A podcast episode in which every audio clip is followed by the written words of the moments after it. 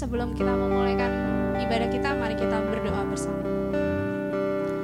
Allah Bapa yang dahsyat, Bapak kami yang luar biasa, kami sama-sama bersyukur Tuhan sebagai pemuda dan remaja di gereja kami yang ada Tuhan. Kami bersyukur kami boleh bertemu, kami boleh bersama-sama pada saat malam hari ini Tuhan kami menyerahkan semua pertemuan ibadah ini Tuhan dari awal pertengahan hingga memberkati agar setiap pujian penyembahan kami itu tujuannya hanya kepadamu saja dan biarlah setiap firman yang kami boleh pelajari dan dengar Tuhan itu boleh tertanam dalam setiap hati kami. Hadirlah ya Bapa, menjamah setiap anak-anakmu yang ada di rumah yang mendengarkan, yang juga mengikuti pertemuan ibadah ini dan biarlah nama Tuhan ditinggikan dan dipermuliakan.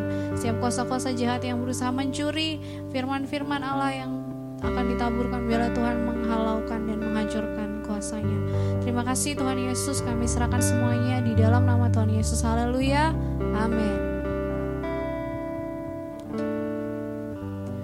Mari teman-teman kita angkat pujian yang berkata aku bersyukur Tuhan.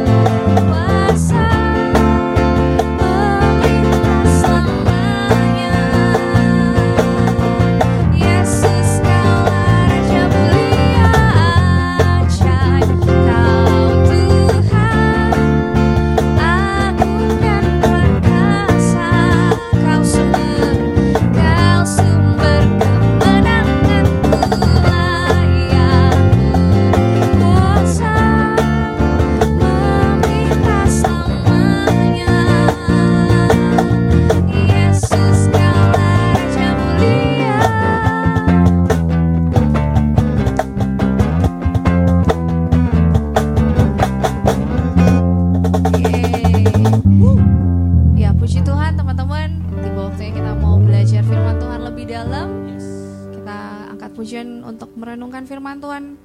Kita angkat pujian Yesus kau kebenaran yang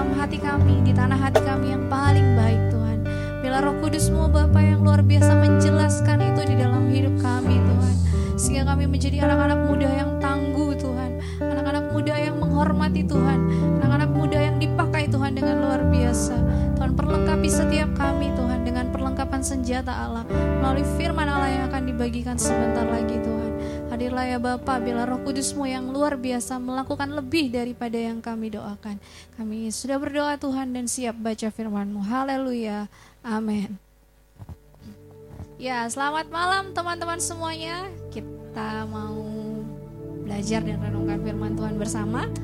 Teman-teman semuanya boleh buka firman Tuhan kita pada malam hari ini di dalam Matius pasal yang kelima ayat yang pertama sampai ayat yang ke-12. Nah, ini kalau teman-teman perhatikan di Matius pasal 5 ini ada khotbah di bukit ya. Khotbah di bukit. Nah, di situ disebutkan pasal 5 sampai dengan pasal yang ketujuh itu pada waktu Tuhan Yesus e, di bukit, khotbah e, yang Tuhan Yesus lakukan di bukit. Nah, menurut e, banyak teolog seperti itu yang me meriset tentang firman Tuhan tentang khotbah di bukit ini uh, firman Tuhan ini tuh kayak terlalu ekstrim gitu ya nah ini kisahnya tentang standar-standar kerajaan sorga yang Tuhan ceritakan kepada kita nah di mana kita sebagai orang percaya sebagai orang-orang yang sudah ditebus oleh Tuhan Yesus punya uh, karakter sendiri gitu punya standar sendiri yaitu standar kerajaan sorga nah yang kita mau bahas pada malam hari ini di ayat 1 sampai ayat yang ke-12. Nah, kalau teman-teman perhatikan di situ ada delapan ucapan bahagia, ada delapan ucapan bahagia.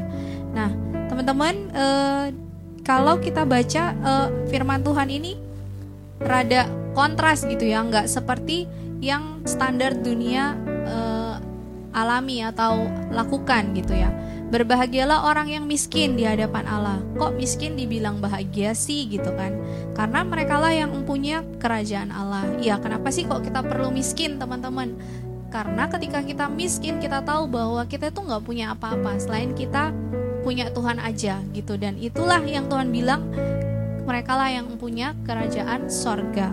Nah kemudian berbahagialah orang yang berduka cita. Kok dibilang e, berduka cita bahagia. Kenapa? Karena mereka yang akan memperoleh penghiburan. Di sini juga disebutkan berbahagialah orang yang lemah lembut karena mereka akan memiliki bumi. Nah, kalau kita perhatikan e, di dunia ini, di bumi ini yang sering kali terlihat, masa iya sih orang yang lemah lembut yang bisa punya bumi gitu ya? Ternyata kondisinya kalau di di muka bumi ini adalah orang yang punya kekuatan hebat gitu ya. Uh, punya kuasa yang bisa punya bumi. Tapi ke Tuhan Yesus ngajarin kita kita mesti lemah lembut gitu. Memperlakukan orang lain juga lemah lembut gitu. Karena kita yang akan memiliki bumi. Kemudian juga berbahagialah orang yang lapar dan haus akan kebenaran. Nah e, di sini kita mau sama-sama belajar teman-teman tentang kalau kita menyebutnya itu nafsu makan gitu ya punya nafsu yang haus dan lapar akan firman Tuhan, akan kebenaran. Jadi di sini disebutkan karena mereka akan ber, karena mereka akan dipuaskan seperti itu. Nah, kalau kita selalu memiliki rasa yang pengen makan terus, pengen uh, minum terus gitu ya, karena di situ kita bisa dipuaskan. Tapi kalau kita ngerasa aku udah udah banyak tahu kok gitu, aku sudah rohani kok gitu, aku sudah rajin doa, rajin ibadah, semuanya sudah aku lakukan. Tapi ternyata Tuhan pengennya kita itu haus dan lapar setiap hari nah kepada Tuhan. Nah, terus berbahagialah orang yang murah hatinya karena mereka akan beroleh kemurahan. Berbahagialah orang yang suci hatinya karena mereka akan melihat Allah. Berbahagialah orang yang membawa damai karena mereka akan disebut anak-anak Allah. Berbahagialah orang yang dianiaya oleh sebab kebenaran. Nah, kenapa di sini Tuhan Yesus juga bilang kita harus bahagia, teman-teman. Bahagia walaupun kita mengalami uh, aniaya seperti itu karena kerajaan Allah sedang ditegakkan gitu karena setiap kita sedang melakukan hal yang benar gitu. Bukan berarti ketika kita uh, uh, maksudnya di dunia ini kita melakukan hal-hal yang dunia ikuti dan itu akhirnya buat kita malah nggak sesuai dengan standarnya Tuhan gitu. Karena mereka lah yang punya kerajaan sorga dibilang di sini yaitu. Nah kenapa Tuhan bilang seperti itu? Karena standarnya kita beda dengan standarnya dunia ini. Makanya Tuhan bilang kita harusnya bahagia bukan tambah sedih ketika kita di maksudnya uh, mungkin orang menganggap kita sepele atau mungkin orang eh, nggak uh, menghargai kita seperti itu tapi kita punya standar ilahi yaitu bahwa uh, kita itu mempunyai sorga dan kita itu nggak usah sedih ketika kita digitu-gituin oleh orang-orang di sekitar kita. Nah kemudian berbahagialah kamu jika karena aku kamu dicela dan dianiaya kepadamu difitnahkan segala yang jahat. Nah kenapa ya kok yang susah-susah ini Tuhan bilang berbahagia karena uh, itu lagi yang saya sebutkan ya kita ini warga kerajaan Allah. Nah kemudian berbahagialah dan bergembiralah karena upahmu besar di sorga sebab demikian juga telah dianiaya nabi-nabi yang sebelum kamu. Ya teman-teman uh, itulah karakter-karakter yang kita harus miliki gitu. Ke, mungkin kebanyakan orang berpikir ini kayaknya terlalu susah nih gitu tapi oleh ke kekuatan Roh Kudus dan oleh pertolongan Roh Kudus saja itu kita bisa dimampukan seperti itu. Nah, di dalam kitab Mazmur itu juga disebutkan loh, Mazmur pasal pertama itu ada juga yang disebut berbahagia. Nah, mungkin teman-teman juga punya standar bahagia itu seperti apa sih gitu ya. Mungkin kayak misalnya kita dapat penghargaan, dapat ini, dapat itu gitu. Nah, tapi ternyata bahagia menurut firman Tuhan juga ada versinya. Nah, di dalam Mazmur pasal 1 itu disebutkan berbahagialah orang yang tidak berjalan menurut nasihat orang fasik, yang tidak berdiri di jalan orang berdosa, dan yang tidak duduk dalam kumpulan pencemooh, tetapi yang kesukaannya ialah Taurat Tuhan dan yang merenungkan Taurat itu siang dan malam. Ia seperti pohon yang ditanam di tepi aliran air yang menghasilkan buahnya pada musimnya dan yang tidak layu daunnya apa saja yang diperbuatnya berhasil. Nah, kita disebut berbahagia teman-teman kalau kita tidak berjalan menurut nasihatnya orang fasik. Nah, kalau kita misalnya kayak mikir lagi gitu ya, uh, mikir lagi gimana uh, mungkin yang orang fasik tuh banyak kayak ngajakin melakukan hal-hal yang fasik kayak gitu itu jumlahnya banyak dan kita mungkin sendirian kayak gitu. Nah, kita malah disebut berbahagia. Kenapa kita disebut berbahagia? Ya, kalau kita pikir-pikir efek samping dari melakukan kefasikan kan pasti nggak baik. Di situlah letak kita ya teman-teman. Nah, kita mau pilih yang menghasilkan sebuah kebahagiaan atau kita milih yang menghasilkan sebuah kehancuran pada ujungnya.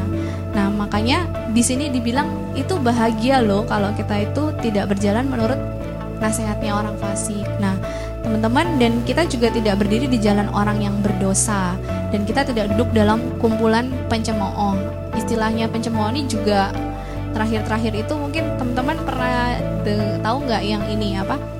nyinyirwan, nyinyirwati ya yang cuma nyinyir yang nggak yang nggak pernah buat sesuatu tapi cuma komentar gitu gitu. Nah nah itu makanya kita nggak perlu ada di kumpulan-kumpulan yang seperti itu. Tapi yang disebut berbahagia adalah ketika kita yang kesukaannya adalah Taurat Tuhan. Dan yang merenungkan Taurat itu siang dan malam. Kenapa? Karena di dalam saat susah sekalipun teman-teman itu dia pohon e, seperti pohon yang ditanam di tepi aliran air yang menghasilkan buahnya pada musimnya dan tidak layu daunnya. Apa saja yang diperbuatnya berhasil. Jadi dalam segala keadaan kalau kita ditanam di tepi aliran air itu e, kemungkinan kita mati, pohon kita mati itu sedikit karena kita selalu ada di dekat airnya kita. Nah, rekan-rekan semuanya, teman-teman yang luar biasa, kita saya mau ajak untuk uh, rasa dahaga, rasa haus gitu, rasa haus, rasa lapar gitu, yang, yang gimana rasa itu